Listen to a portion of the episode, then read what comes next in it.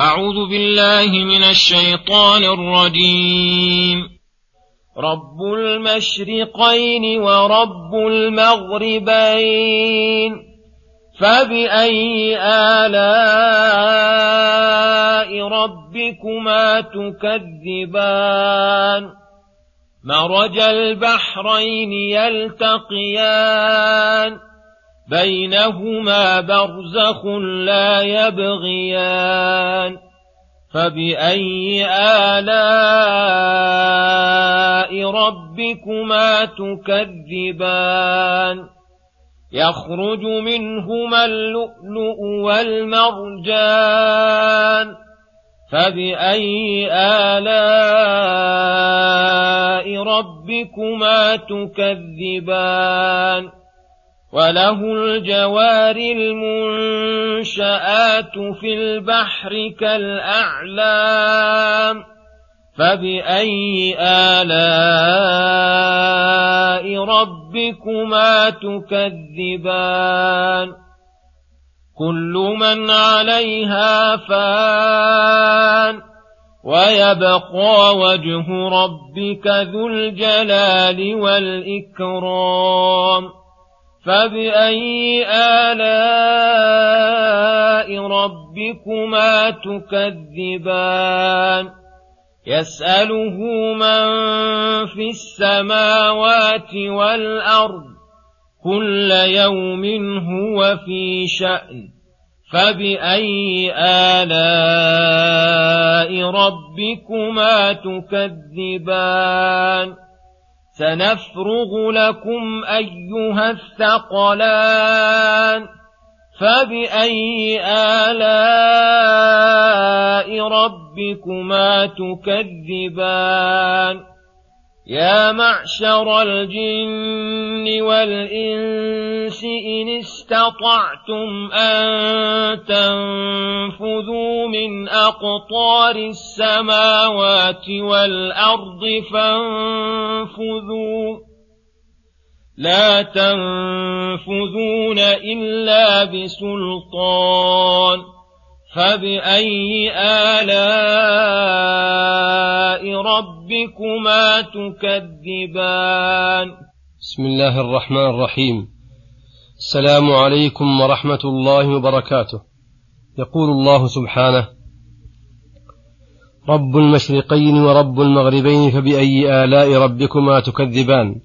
لما بين ماد لما بين خلق الثقلين ومادة ذلك وكان منة منه تعالى عليهم قال فبأي آلاء ربكما تكذبان. أي هو تعالى رب كل, كل ما أشرقت عليه الشمس والقمر والكواكب النيرة وكل ما غربت عليه وكل ما, وكل ما كان فيه فالجميع تحت تدبيره وربوبيته. وثناهما هنا باعتبار مشارقها شتاء وصيفا والله أعلم. والمراد بالبحرين البحر العذب والبحر المالح فهما يلتقيان. فيصب العذب في البحر المالح ويختلطان ويمتزجان. ولكن الله تعالى جعل بينهما برزخا من أرض حتى لا يبغي أحدهما على الآخر ويحصل النفع بكل منهما.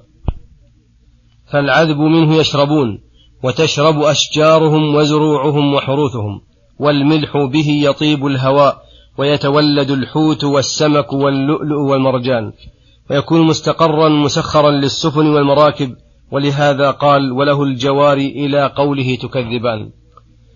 ثم يقول سبحانه وله الجوار المنشآت في البحر كالأعلام أي وسخر تعالى لعباده السفن الجواري التي تمخر البحر وتشقه بإذن الله التي ينشئها الآدميون فتكون من عظمها وكبرها كالأعلام وهي الجبال العظيمة.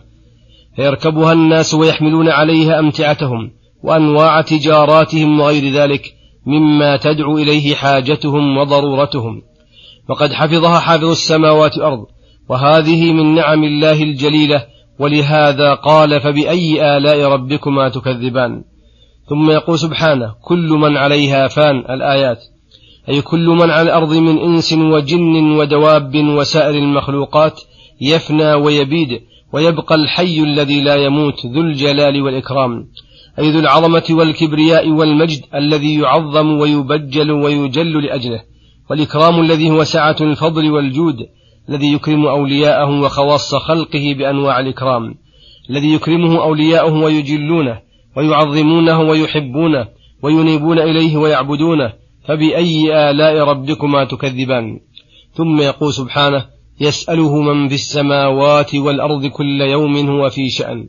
أي هو الغني بذاته عن جميع مخلوقاته وهو واسع الجود والكرم وكل الخلق مفتقرون إليه يسألونه جميع حوائجهم مجالهم ومقالهم ولا يستغنون عنه طرفة عين ولا أقل من ذلك وهو تعالى كل يوم هو في شأن يغني فقيرا ويجبر كثيرا ويعطي قوما ويمنع آخرين ويميت ويحيي ويخفض ويرفع لا يشغله شأن عن شأن ولا تغلطه المسائل ولا يبرمه إلحاح الملحين ولا طول مسألة السائلين.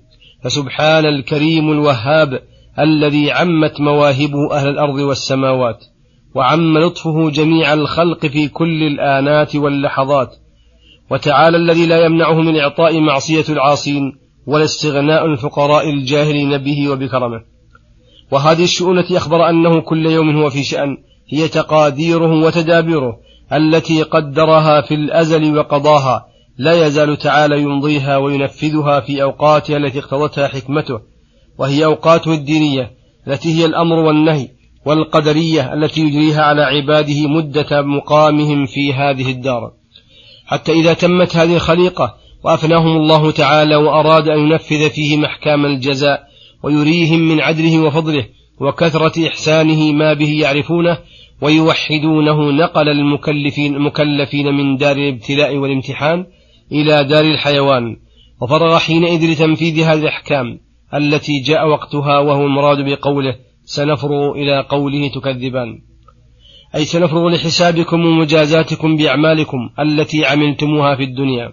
ثم يقول سبحانه يا معشر الجن والإنس إن استطعتم أن تنفذوا من أقطار السماوات والأرض فانفذوا لا تنفذون إلا بسلطان. أي إذا جمعهم الله في موقف القيامة أخبرهم بعجزهم وضعفهم وكمال سلطانه ونفوذ مشيئته وقدرته فقال معجزا لهم يا معشر الجن والإنس إن استطعتم أن تنفذوا من أقطار السماوات والأرض أي تجدون مسلكا ومنفذا تخرجون به عن ملك الله وسلطانه فانفذوا لا تنفذون إلا بسلطان أي لا تخرجون منه إلا بقوة وتسلط منكم وكمال قدرة وأن لهم ذلك وهم لا يملكون لأنفسهم نفعا ولا ضرا ولا موتا ولا حياة ولا نشورا. ففي ذلك الموقف لا يتكلم أحد إلا بإذنه ولا تسمع إلا همزة إلا همسا. وفي ذلك الموقف يستوي الملوك والمماليك والرؤساء والمرؤوسون والأغنياء والفقراء. وصلى الله وسلم على نبينا محمد وعلى آله وصحبه أجمعين. وإلى الحلقة القادمة غدا إن شاء الله. السلام عليكم ورحمة الله وبركاته.